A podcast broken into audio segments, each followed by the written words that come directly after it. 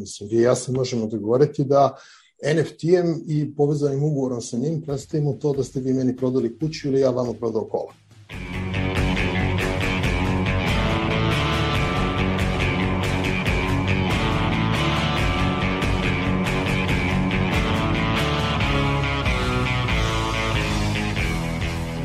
Slušate podcast Reaguj nezavisnog društva novinara Vojvodine.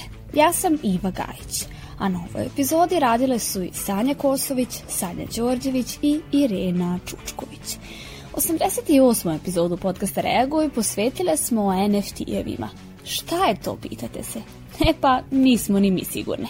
Zato ćemo u narednim minutima pokušati da otkrijemo, a samim tim i objasnimo šta je taj NFT, zašto se toliko priča o njemu u poslednje vreme, ali i da li njegova popularnost ima veze sa pandemijom. Koleginica Sanja Kosović je upitala mlade na ulicama Novog Sada da je objasne šta je NFT. Sanja, šta si saznala? Tako je Iva. U potrazi za odgovorom šta je to tačno NFT, krenuli smo od mladih u Novom Sadu. Upitali smo ih da li su uopšte čuli za NFT, a neke od njih sam zamolila da mi objasne šta je to. Poslušajmo njihove odgovore. Vlasništvo nad slikom, nad nekim formatom kao... NFT nikad u životu. Ja ne znam stvarno, to neki nov pojam možda. E, ne. Evo čuo sam starteno kao Bitcoin nešto. Neka non-fungible token, kao neki neka kao internet uh, real estate. Kako, aha, dobro, nekretnina. Kako se kaže srpskom? Nekretnina? Da, nekretnina, ali kao internet nekretnina, nemam pojma. Neka ne, možda nevladina organizacija, organizacija mladih ili novinarska, neka nezavisna. Kriptovalute? Pa ništa više od toga, iskreno. Od ovoga što znam, čini mi se da je to još jedan od načina da se operu pare neke koje nisu najlegalnije zarađene. Ja sam čuo za pojam NFT-a, ali nemam ni najmanju predstavu šta je to. Mislim da ima neke veze sa kriptovalutom ili tako nečem, ali blage veze nema o čem se radi.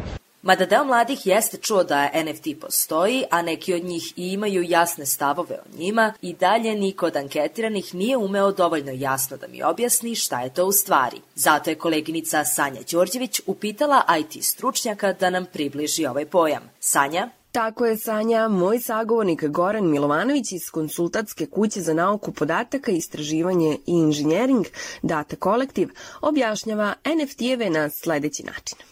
A ako pogledate taj virtualni novac kriptovalute, ono što znate je da su zapravo to digitalni zapisi koji se nalaze na jednoj specifičnoj vrsti baze podataka, slobodno možemo tako da kažemo, ona se naziva blockchain. Sama njena organizacija tehnološki nije u suštini toliko važna za razumevanje toga kako ceo taj svet funkcioniše. E sad, samo ime NFTs, kao što znate, dolaze iz celog tog kripto sveta, veoma su slični na neki način, na način kako se zapravo realizuju tom ovaj, kriptonovac, u kriptovalutama. Sam NFT u imenu nosi ono što je njegova korenita, da kažem, odrednica, ono što je suštinska razlika između njega i neke kriptovalute, jel? Jer samo ime kaže non-fungible token, Na, što je znači token koji nije razmenjiv, nešto što se upisuje na blockchain, što predstavlja jedan digitalni zapis, ali nije razmenjivo. Nije razmenjivo u kom smislu reči. Ako neka osoba posjeduje Bitcoin, ako neka osoba posjeduje Ethereum, bilo koji virtualni novac, ok, ovaj, e, isto kao i sa tradicionalnim novcem, da se tako izrazim, svaki je razmeljiv za bilo šta drugo. Znači, jedna novčanica od 1000 dinara menja bilo koju drugu novčanicu od 1000 dinara, podjednako, podjednako tako svaki Bitcoin bi zameljiv za neki drugi Bitcoin. Znači, oni su suštinski isti. Jel? Non-fungible token zapravo predstavlja samo digitalni zapis na blockchainu čija referenca, dakle, nije novac, niti je nešto razmenljivo, jel? nego upravo upućuje na nešto koje, što, je, što je nerazmenljivo. Na primer, ja ne mislim u kontekstu pa možda onako da kažem najinteresantnije diskusije o tome ovaj, šta je taj fenomen NFT-a, ovaj, može da bude referenca na neku umetničku delo. Mislim, podjednako isto tako može da bude referenca na bilo koju drugu vrednost, bilo koji drugi objekat e, od vrednosti koji ovaj, možemo posle da razmenimo za novac, virtualni ili realni i slično. Međutim, izgleda da se NFT može pojaviti u bilo kom obliku. Pa, da vam kažem, doslovce može da predstavlja kao referenca baš bilo šta, kao što bilo koji znak u bilo kom jeziku može da, da referira na bilo šta. A, vi ako pogledate, dakle, rane eksperimenta s time da se u blockchain baze upisuju stvari koje nisu novac, jel? Još neke 2014. godine imate ovaj, pojavu toga da je, da je, ja mislim, američka umetnica jedna upisala, ja mislim, svoj uh, DNK na blockchain ako ne grešim Bitcoina i time pokazala, na primjer, da možete, možete raditi takve stvari, da to nije nikako tehnološko otkriće, to je bilo, bilo jasno sa blockchain tehnologijom i pre toga. Znači, doslovce možete upisati bilo šta tamo. To je sad, da kažem tako, samo u savremenosti, pogotovo od eksplozije trgovine NFT-em od 2021. prošle godine, jel? se, da kažem tako, diskusija usmerena najviše na to da NFT nekako su zgodni da budu reprezenti umetničkih dela, jel? ali šta vi predstavljate NFT-em, to je sasvim svejedno. Mislim, vi i ja se možemo dogovoriti da NFT-em i povezanim ugovorom sa njim predstavimo to da ste vi meni prodali kuću ili ja vama prodao kola. Ukoliko vam ovo i dalje nije bilo dovoljno jasno, možda će osoba koja se i bavi kreiranjem NFT-eva drugačije objasniti. Irena, kako tvoj sagovornik objašnjava NFT? Pa Sanja, digitalni umetnik Vladimir Popov objašnjava da je neka generalna definicija NFT-a non-fungible token, odnosno oni su oblik tokena koji služi kao digitalni ugovor. Cijela, cijela ta platforma blockchaina funkcioniše tako što to je decentralizovani prostor gde vi šta god da uradite u tom ekosistemu ostaje zabeleženo za uvek kroz programski kod i kroz te pametne ugovore. E, non-fungible token, odnosno NFT, je jedan digitalni file ili pametni ugovor ili jedan token koji je unikatan, znači ne može da se replicira, nije kao sad valuta pa da imate, ne znam, da je jedan uh, bitcoin, da ga ima, ne znam, nekoliko miliona ili milijardi, nego je ovo unikatno, kao i umetničko delo, kao i bilo koje ono, jedinstven, jedinstveni predmet. E, sad, stvari u tome što to kada se u digitalnom svetu preme, prebaci jeste da, znači, non-fungible token je unikatni digitalni token koji kada vi napravite nešto, da li je to sad umetnost ili, ili nešto drugo, kada se uploaduje na blockchain, ostaje tamo zauvek kao unikat, ne može da se replicira. E, I to je zapravo određena vrsta pametnog ugovora koji može da se koristi u ovom trenutku, da se koristi iz umetnosti ili može da se koristi za generalno bilo šta. Hajde da pokušamo da rezimiramo. NFT je skraćenica za non-fungible token. Token predstavlja novčić koji se nalazi na blockchainu, dakle novčić kriptovalute. Sa druge strane, non-fungible znači nezamenljiv. Ali evo da čujemo još jedno objašnjenje. Kako su i na portalu Belgrade Crypto objasnili, non-fungible token se ponaša kao kriptovaluta. Ona postoji na blockchainu, ima vrednost i sa njima se može trgovati. NFT je vizuelno upečatljiv, te se samim tim može nazvati i NFT stvaralaštvom ili još jednostavnije NFT digitalnom imovinom. Ovaj nezamenljivi token ipak nije samo digitalna slika, već NFT može biti i video, montaža, mim, sličica, kartica, predmet za igrice, maltene bilo šta, ali da je u digitalnom svetu. Kako bismo svi kolektivno bolje razumeli šta je NFT i šta sve on može biti, evo primjera nekoliko poznatih NFT-eva koji se prodaju za velike sume novca. Počnemo od jednog poprilično neobičnog. Digitalni toalet papir. Američki proizvođač toalet papira Charmin u martu 2021. godine predstavio je prve digitalne rolne toalet papira. Ovaj toalet papir dizajneran je sa šarenim cvećem i travom, a u obliku digitalne fotografije uspešno je prodat za 2934 američkih dolara. Kreator i izvršni direktor Twittera Jack Dorsey objavio je prvi tweet na Twitteru 2006. godine, a kasnije ga je uklonio. Ipak, taj isti tweet uspešno je prodao kao NFT za 2,9 miliona dolara. Sam tweet je glasio, samo podešavam svoj Twitter. Uz pomoć NFT-a nastao je i prvi digitalni miris na svetu, koji naravno ne možete da pomirišete. Look Labs sa sedištem u Berlinu nudi svoj cyber parfem samo u digitalnom obliku. Mada se prodavao za oko 18.000 dolara, nismo uspeli da saznamo da li je na kraju uspešno prodat.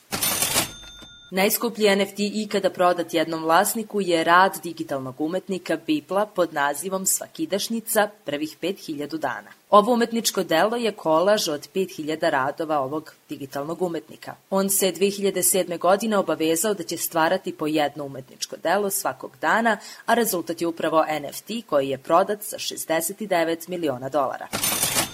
Mada postoje brojni bizarni NFT-evi, poput pomenutog parfema ili toalet papira, NFT je najpoznatiji upravo u umetničkoj industriji. Tako je Sanja. A kako kaže Vladimir Popov, i on trenutno koristi NFT za umetnost. Zajedno sa svojim kolegom namestio je jednu digitalnu kolekciju gde imaju određenu količinu NFT-eva i gde ljudi mogu da kupe taj NFT. mi radimo i giveaway, tako da ono poklon, poklonili smo dosta za sada. I za sada je to samo znači bukvalno distribucija umetnosti. Vi dobijete malo digitalni digitalnu sličicu, digitalni sertifikat, koji zapravo će u nekom trenutku, ako zaživi kolekcija, moći da se iskoristi kao određena vrsta ugovor, određena vrsta članske karte kluba za određene proizvode. Znači, mi želimo da namestimo od tog NFT-a da recimo možda da bude strip, pošto se ja bavim stripom ilustracijom, to mi je glavni posao, da tako kažem, strip umetnik, i mi, mi smo namestili tu ideju da kroz taj NFT namestimo digitalni strip koji će biti dostupan ljudima koji budu imali, posjedovali NFT iz tog univerzuma sa tim likom, na primjer. I onda imate tu sličicu, uzeli ste NFT i možete da pročitate segment stripa ili ceo strip ili to ćemo još vidjeti kako će ovaj roadmap da se razvija u budućnosti. To je, to je otprilike bila ideja za naš projekat i za moj projekat kako sam ja koristio NFT. E sada, pošto je to eksperimentalna tehnologija i u povoju je tek možda neki godini po dve dana, ima tu dosta toga što može da se razvije, može da se iskoristi, tako da to ćemo vidjeti u kom će sve pravcu NFT vići. Za sada su u domenu umetnosti, videoigara i, i entertainmenta. Sagovornik podcasta reaguje i kaže da je NFT za sada mahom popularniji u zapadnoj Evropi, Severnoj Americi i generalno zemljama koje se više bave valutama u poređenju sa Srbijom i regionom. Međutim, u principu ovo je bukvalno kao i kao, i, kao trgovina dobrima, samo što vi plaćate u kombinaciji e, standardnih valuta i kriptovaluta. Tako da što se tiče regiona, mislim da je zaživelo pomalo i da će zaživeti tek. Popov smatra i da je NFT jednim delom budućnost umetnosti. Zato što umetnost danas, je, je, umetnost danas nije tako binarna i jako je široka i e, poprilično je šarenolika.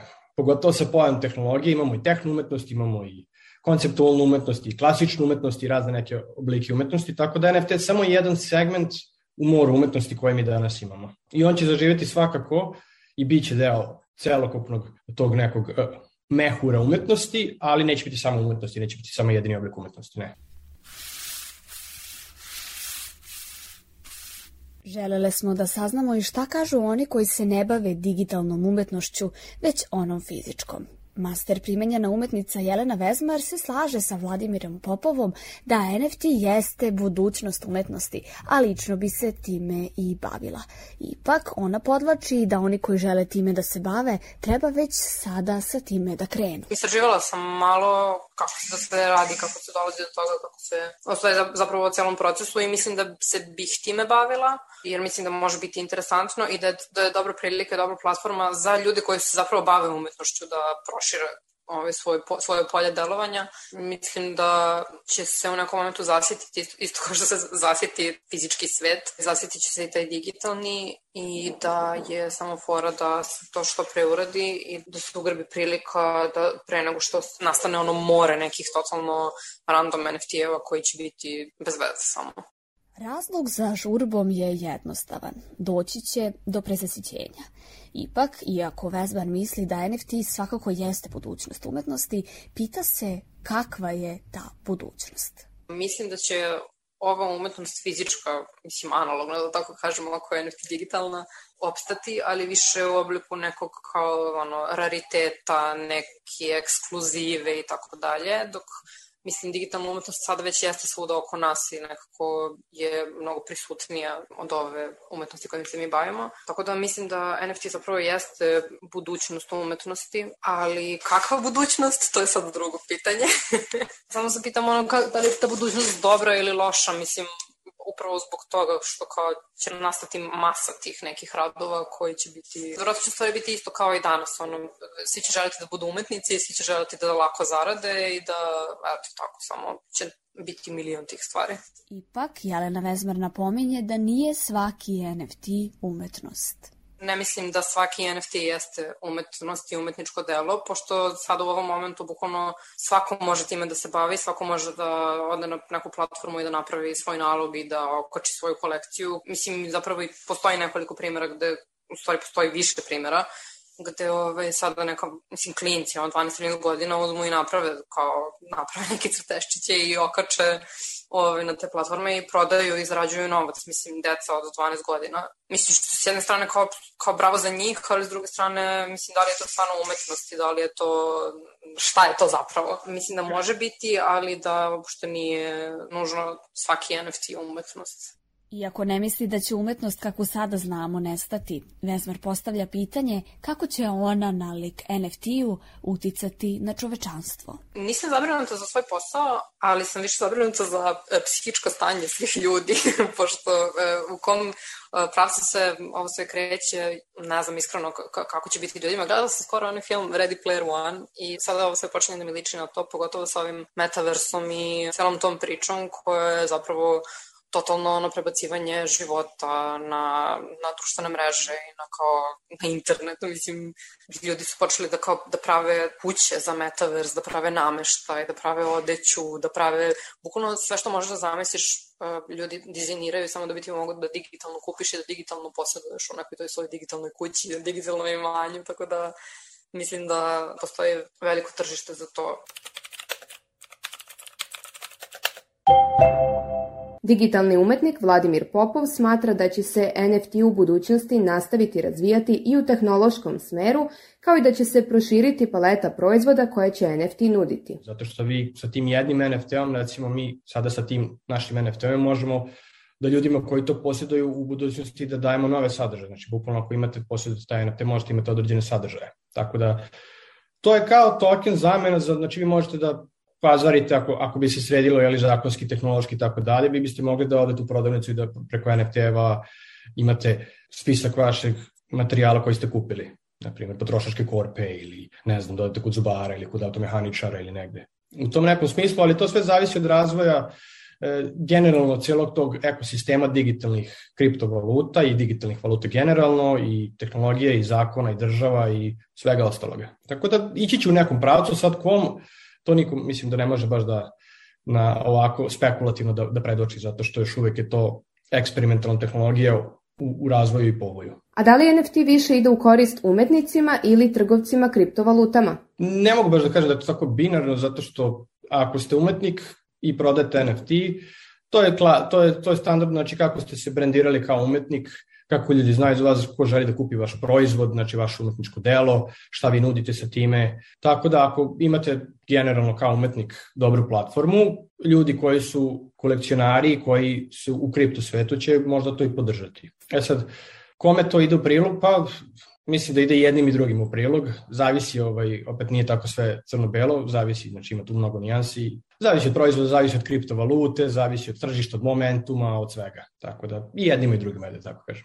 Za ulazak u sferu NFT-eva odlučio se i Exit Festival početkom februara, kada je najavio da ulazi u Metaverse i da lansira svoju NFT kolekciju u saradnji sa muzičarima. Kako kaže port parolka Exit Festivala Milica Dragomirović, Exit je ušao u NFT svet jer prate tehnološki razvoj. Naše tržište je dosta, dosta zanimljivo po tom pitanju. Dakle, Srbija nije nužno prvo mesto na koje pomislimo kada pomislimo na NFT, ali postoje festivali koji su to već ušli, recimo Coachella, tako da je naš e, nekako instinkt bio da pratimo sve što se razvija. Dakle, Metaverse, odnosno Web3 je nešto što će vrlo izvesno da se desi, da li za dve godine, da li za pet godina. Naša ideja i naša želja je da ne da zamenimo exit, dakle tvrđava je tvrđava, odnosno sve naše lokacije su naše lokacije i mi se njih držimo, exito je primarno živo iskustvo uvek bilo i mislim da svi naši posetioci najviše i znaju koliko smo radili na tome da se to živo iskustvo vrati tokom prethodnih meseci dok smo imali restrikcije i festival se nije desio i svašta nešto. Naša ideja je da sad imamo najbolje od oba sveta. Dakle, idemo u Metaverse, ali ostajemo na tvrđavi, zato će naši NFT-ovi biti multidimenzionalni da bismo mogli da ih koristimo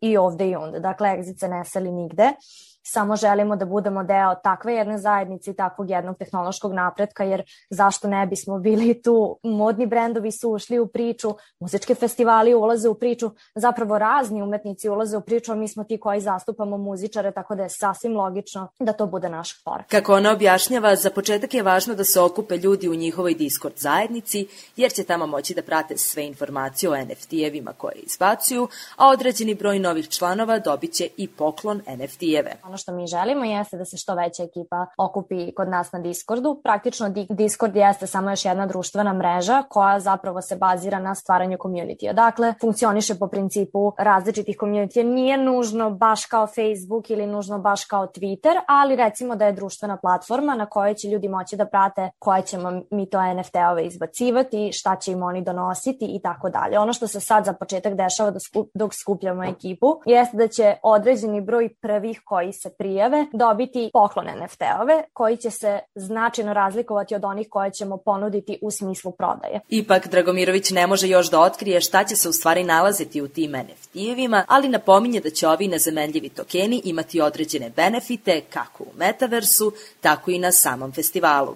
NFT kao NFT jeste komad umetnosti. E sad, u zavisnosti od toga sa kojim muzičarem u tom momentu sarađujemo, a to će ljudi saznati u narednim nedeljama, ali NFT kao NFT jeste komad umetnosti, bilo kakve trodimenzionalne umetnosti, dakle ne nužno trodimenzionalne, htela sam reći digitalne, da li će to biti nešto što je 3D, da li će to biti print, da li će to biti patike, Gucci je napravio, ja mislim, svoju igricu, Louis Vuitton takođe. Dakle, nešto što će njima imati značaj u metaversu, i što će moći da koriste u tom svetu, ali kupovinom naših NFT-eva imaće određene benefite i na festivalu. Šta će to tačno biti i kako će izgledati, ja sad ne mogu da kažem iz prostog razloga jer je to nešto što će ljudi vrlo brzo saznati, nešto što ćemo vrlo brzo uklopiti u, u samu temu festivala i onoga što nam sleduje, ali je definitivno da NFT u našem slučaju neće biti samo NFT, nego da će to biti jedan paket benefita za sve nas, a pre svega osnova i nama najbitniji zadatak jeste da i muzičari i naši posetioci budu zadovoljni,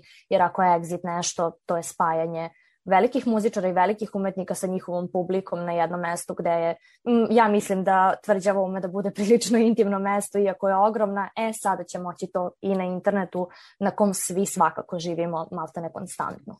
A koliko su posetioci Exit festivala zainteresovani za NFT i Metaverse? Naša sagovornica kaže da, mada NFT nije mnogo popularan u Srbiji, evidentno je da postoji interesovanje. Discordova zajednica je već razvijena, dakle u momentu kada smo mi pustili pres da Exit ulazi u Metaverse, Discordova zajednica naša je već bila formirana. U momentu kada sam se ja prijavila, to je bilo recimo tri dana posle nakon što smo opustili pres, ja sam bila recimo hiljadu i osma, deveta osoba koja se prijavila u našu zajednicu, tako da ljudi se prijavljuju, vidim da su zainteresovani. Kažem, NFT nije nešto što je mnogo poznato ovde, dakle ovde su ljudi iz IT industrije primarno u tome, mi kao članovi muzičke industrije tako pratimo i ovo, pa smo u tome, ali je jako bitno da sada kroz ovaj proces zapravo upoznamo ljude sa tim šta je NFT, šta je Metaverse i šta nas zapravo čeka, jer mislim da niko od nas zapravo nije izolovan od e, interneta, od weba uopšte. Samo mislim da ljudi možda se više plaše nego što misle da ne znaju, jer trenutno svi smo vezani, evo sad i mi ovaj intervju vodimo preko Zuma, dakle mi smo vezani za naše računare, za naše telefone, za ceo web, za ceo internet svet, e, isto tako će festival tamo biti. Samo kažem, ne idemo dalje od živog iskustva, samo ulazimo u još nešto, nešto što će biti sjajno. Samo je ovaj pitanje koliko će ljudi e, znati da se prilagode. E, zato smo mi tu da im objasnimo šta kad, kako, gde. Samo sve mora sačekati svoje vreme. Po njenim rečima, pandemija je značajno uticala na položaj umetnika. Metaverse i NFT su način da se umetnici vrate u centar pažnje i da izađu iz podređenog položaja koji su im nametnule streaming platforme, smatra Milica. Ono što je nama tu glavna stvar jeste to vraćanje umetnika, odnosno muzičara u prvi plan. Dakle, mi sada, kako trenutno muzička industrija funkcioniše, ako izuzmemo nastupe koji su jel, muzičarima najprofitabilniji neki delovi posla, koje smo izgubili tokom COVID-a, vraćamo se samo na streaming platforme. Dakle, mi tu imamo neke streaming platforme kao što recimo Deezer ili Spotify kojima mi plaćamo mesečnu članarinu i to mesečnom članarinom mi možemo da pristupimo kompletnim diskografijama svih muzičkih umetnika ikada. E sad, to je super za nas kao za korisnike, s druge strane to muzičare stavlja u jako podređenu poziciju. Dakle, oni sad imaju ceo neki lanac ishrane preko kog oni dobijaju novac. Promotivno to gubi dosta velik smisao. Dakle, niko više od nas nije toliko zagrejan za premijere, nove albume, novi video, novi ovo, novi ono, zato što nam je sve servirano na streaming platformama. E, zato nam Metaverse daje opciju da prvo imamo taj moment ekskluzivnosti koji smo nekad davno imali recimo sa CD-ovima kada smo ih kupovali. E, novi CD nekoga koji ti kupiš pa ga posjeduješ pa ga puštaš na svom kompjuteru. Dakle, vraćamo se u taj intimni moment nas i muzičara, a između ostalog community i ove vrste će nam dati opciju i da budemo bliži samom umetniku. Dakle, društvene mreže uopšteno su nas malo izgubile u svemu tome, sve nam je servirano, sve nam je dostupno i jako se lako izgubi jako velik rad i jako velik napor muzičara da nam dostavi nešto što ćemo voleti. E, ovo je način da vratimo njih u centar pažnje. Logika dalje radoznalosti nalaže na dalje razmišljanje. Da li je NFT novi način posjedovanja stvari?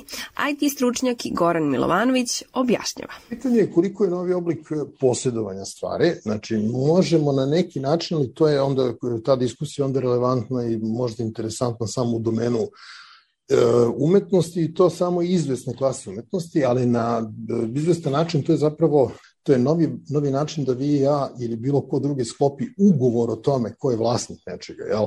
To je dakle da budemo najprecizniji, znači to je u pravom smislu reči novi način ugovaranja nekih ove pravno-vlasničkih odnosa. Tržište NFT-eva zapravo prati zakone ekonomije koje važi za ovaj pravi svet van mreže, kao što su zakon ponuda i tražnje. Zato lajcima cene NFT-eva samo deluju kao da su visoke, jer o njima čujemo u medijima samo kada se proda nešto skupo. Skupe su stvari koje su izuzetno redke, ali na tržištu NFT-eva postoje stvari koje su jeftine, a možda i nikad neće biti prodate jer za njih ne postoji tražnja, objašnjava Milovanović. Ponovo, znači, ako smo mi u stanju, da ne pomešamo dve stvari, znači, ne znači da izvor NFT-eva sad beskonačan, izvor ljudske kreativnosti jeste, i u tom smislu je on neograničen. Možete doprineti tamo čime god hoćete koliko god hoćete. S druge strane, ove, ljudi koji ih prave, grupe koji ih prave i tako dalje, često ograničavaju broj tih tokena koji mogu da se mintuju, što će reći svaki od njih može recimo da se iskopira 10 puta i tako vi, ja i još 8 ljudi postanemo vlasnici toga. Znači tu postoje neke inherentne ograničenja. Ali opet hoću da kažem, znači u suštini te spekulacije da će tu početi da funkcionišu zakoni neke virtualne ekonomije koje ne poštuju zakone ponude i potražnje, mislim da su osuđeni na propast. Jednostavno, nije, ne, ne, nisam siguran do kraja da bi mi bilo jasno kako bi bilo šta moglo da ima vrednost da nije redko ili teško za napraviti ili teško za doći do njega. Postavlja se pitanje šta nam dakle donosi budućnost budućnosti u kojoj trenutno živimo. I dok nam pod navodnicima eksperti na YouTubeu i TikToku uporno objašnjavaju kako je pravo vreme za ulaganje u kriptovalute, NFT-eve i nekretnine u metaverzumu, jer ćemo na ovaj način postati milioneri preko noći, Milovanović ima nešto realnija predviđanja. Iskreno kažem, po mom mišljenju, uh tržište NFT-eva nije dobro mesto za investiciju. Mislim da je užasno rizično, mislim da je samo pitanje vremena, a mislim da je to pitanje vremena određeno samo pitanje toga kada mi udaramo u prvu ekonomsku krizu, s obzirom na, na posledice pandemije to može da se desi vrlo uskoro, zapravo mi smo već u njoj, samo i ne vidimo posledice jasno. Ja lično mislim da će to tržište NFT-eva i te astronomske cifre i vrednosti koje se tamo nalaze da tresnu straubamo, katastrofalno. Tako da kao investitor recimo nikada ne bi išao u pravcu toga da investira moj, moj novac tamo. E, činjenica je da je talas, posebno da kažem prošlogodišnjeg događaja, on je toliko onako, mislim, izazvao diskusije i debate interesovanja, da je sasvim izvesno da će nešto od tokenizovane digitalne umetnosti iz tog perioda i sadašnjosti, koje, mislim, aktualnog trenutka, nešto od toga će ostati i slavno i vrednovano. Jel? Ove, I skupo, skupo u smislu reči koliko je Ethereum i koliko dolara ta stvar košta. Jel? Ali opet kažem, to će biti ekstremno redke stvari i bilo čija bilo čiji pristup da se kocka na to da će on stvoriti tako nešto je onako, da kažemo, u najmanju ruku prilično rizičan. Jel? Čisto sa stanovišta tržišta, lično ja sa novcem ne bi ušao tamo. Iako je NFT još jedna mogućnost za zarađivanje, umetnica Jelena Vesbar kaže da se taj koncept suštinski neće promeniti.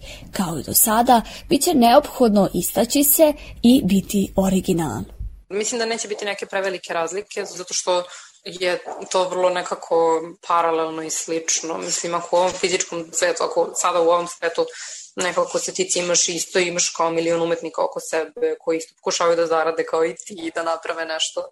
Mislim, zašto ne bi i ovaj na internetu i među NFT-evima imao isto takvu situaciju. Tako da mislim da je bitno da, mislim, kao i u umetnosti da budeš da se bude originalno i da, da se prati nekako ta svoja priča što bi se moglo što postići, zaraditi u krajnjem slučaju. A s druge strane, mislim da je NFT sada već malo privilegija bogatih, pošto koliko sam shvatila, e, ljudi koji najviše prodaju te NFT-eve su ljudi koji zapravo imaju najviše mogućnosti da ih naprave, ali i da ih dobro izreklamiraju i da ti daju još neki benefit uz to. Tako da je zapravo to sve jedna velika, baš ozbiljna borba. kao i u galerijskom svetu, kao i u, ne znam, ono, fizičku prodaji slika, isto tako će biti i na NFT. Ovim završavamo 88. epizodu podcasta Reagu i nezavisnog društva novinara Vojvodine u kojoj smo govorile o NFT-evima. Pišite nam u Facebook grupi podcast Reagu i šta mislite o NFT-evima i da li smo vam bar malo bliže objasnile šta je to. Slušamo se ponovo uskoro, a do tada ne zaboravite da čekamo na vas, vaše komentare, iskustva i predloge tema koje možete slati i na našim novootvorenim Facebook i Instagram stranicama gde se nalazimo pod imenom Reaguj podcast. Pored novih platformi dostupni smo i dalje i na TikToku, ali i na mail adresi podcast.ndnv.org. Naš rad možete pratiti na kanalima na iTunesu, Stitcheru, Castboxu, Sounderu, Spotifyu, Google podcastima, Deezeru, kao i na sajtu podcast.rs. Ukoliko želite da nas podržite, uradite to baš šerovanjem, komentarom, deljenjem svoje priče ili preko sajta donations.ndnv.org.